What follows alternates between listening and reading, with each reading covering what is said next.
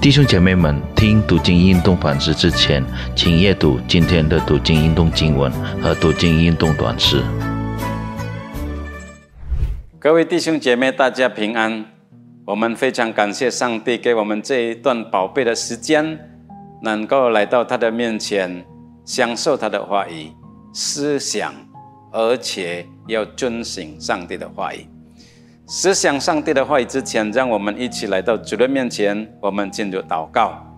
亲爱的天父，亲爱的救主，我们感谢你给我们这段的时间来到你的面前，要默想，要享受你给我们的话语，也是你给我们的应许，让我们的信心能够坚固，让我们的生命能够结出果子。我们求圣灵在我们当中工作。引导我们进入你的话语，也是恩高你卑微的仆人，能够把你的话语讲解的清楚。奉来耶稣基督圣名求祷告，阿门。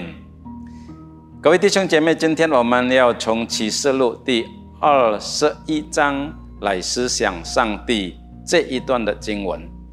从这一章的经文里面，我们要思想一个题目：新天新地。一个荣耀的地方。我们单单来看第一节跟第二节，启示录第二十一章，第一节跟第二节，圣经这样告诉我们：我又看见一个新天新地，因为先前的天地已经过去了，海也不再有了。我又看见圣城新耶路撒冷如神那里从天而降，预备好了，就如新妇装饰整齐，等候丈夫。从启示录第二十一章，让我们大家来思想三个属灵重要的题目。第一，新天新地的意义。当刚才我们看启示录第二十一章讲到新天新地的时候，或者新耶路撒冷，那到底圣经这里所说的是什么意思呢？当我们看整篇或者整章二十一章的时候，我们就可以了解，所谓新天新地，就是指到。上帝的国度，或者所谓的天堂，那个是上帝预备给每一个信他的人，而且我们是那个是我们信心基督徒生命最终的地方，就是在那边。有几个新天新地的记号啊？刚才圣经告诉我们第。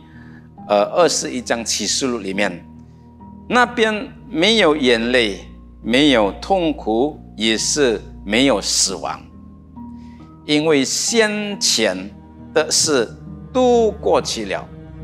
在我们今天这个世界，各种的苦难、眼泪、罪恶问题，圣经多都过去，都没有了，都变成新的，在那边。只有上帝的荣耀，而且在那边只有上帝与我们同在。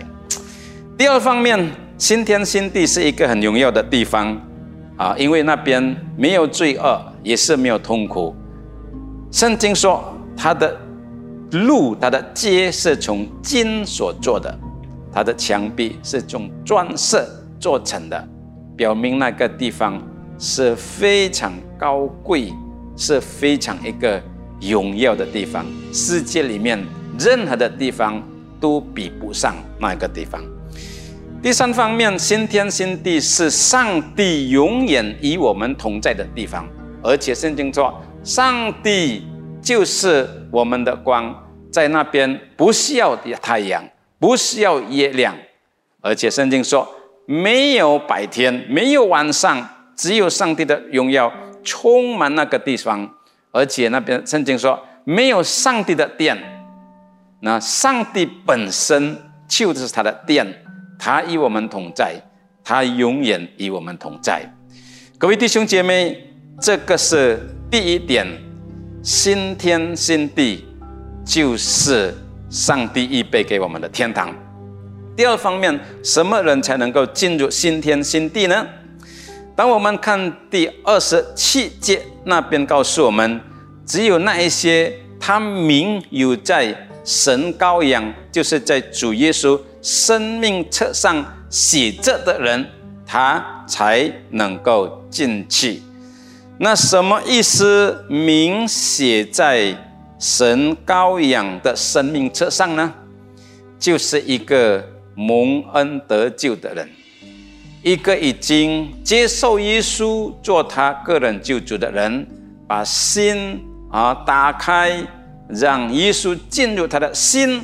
那这个是一个。耶稣属于主耶稣的人，在罗马书告诉我们：我们用心来相信、口承认，基督耶稣就是我们的救主。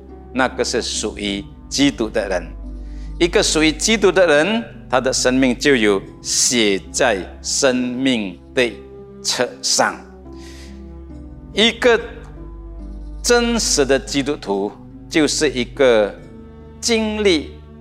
重生得救的基督徒，把罪过、把旧人放弃，穿上基督，有新的表现，有新的科目，有新的生命的方向，要主一同一主同行的人，一个真正相信耶稣的人，除了有新的生命，他也是忠心跟随主的人，虽然在。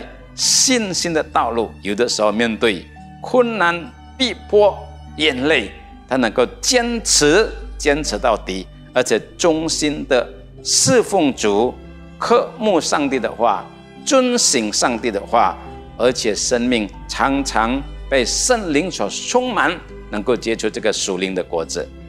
这个是所谓他的名有在生命册上写着的名。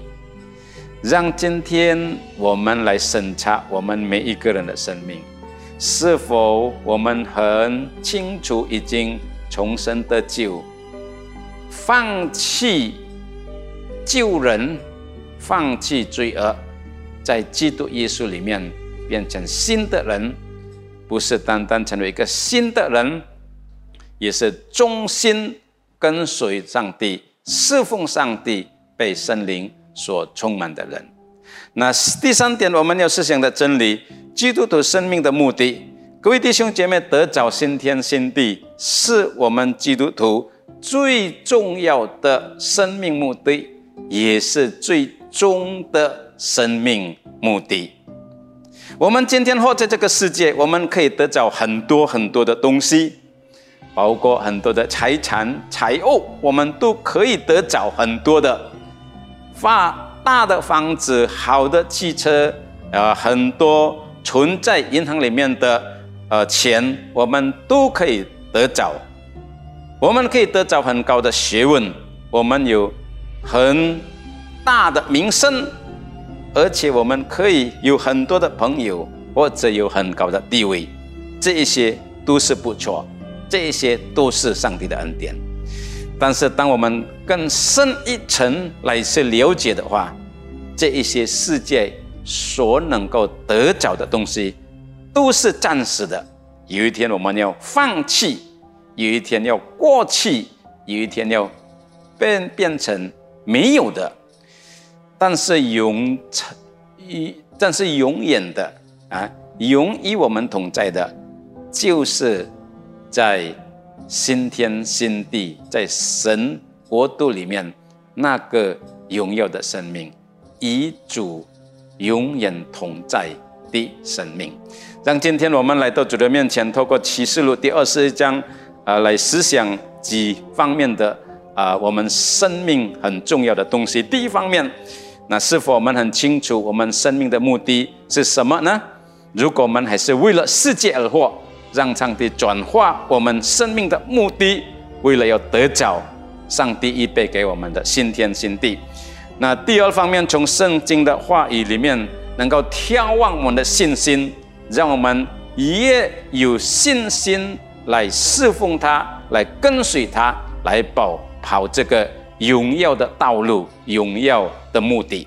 那第三方面，让我们得着这个上帝的话语，成为我们盼望的根基。这个是坚固的根基，永远不会改变的盼望。愿上帝恩待祝福我们，我们一起来到主的面前祷告。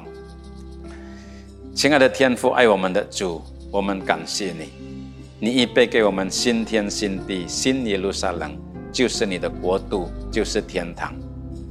那便是何等的荣耀，那个是我们生命的目的，我们的盼望。主啊，求你打开我们的灵眼。我们看得清楚你的应许，我们看得清楚你所预备给我们那么荣耀、永远的地方，让我们真的热心来跟随你，充满信心来侍奉你，让我们的一生能够讨你的喜悦，奔跑那天堂荣耀的道路。听我们祷告，奉来耶稣基督圣名求，阿门。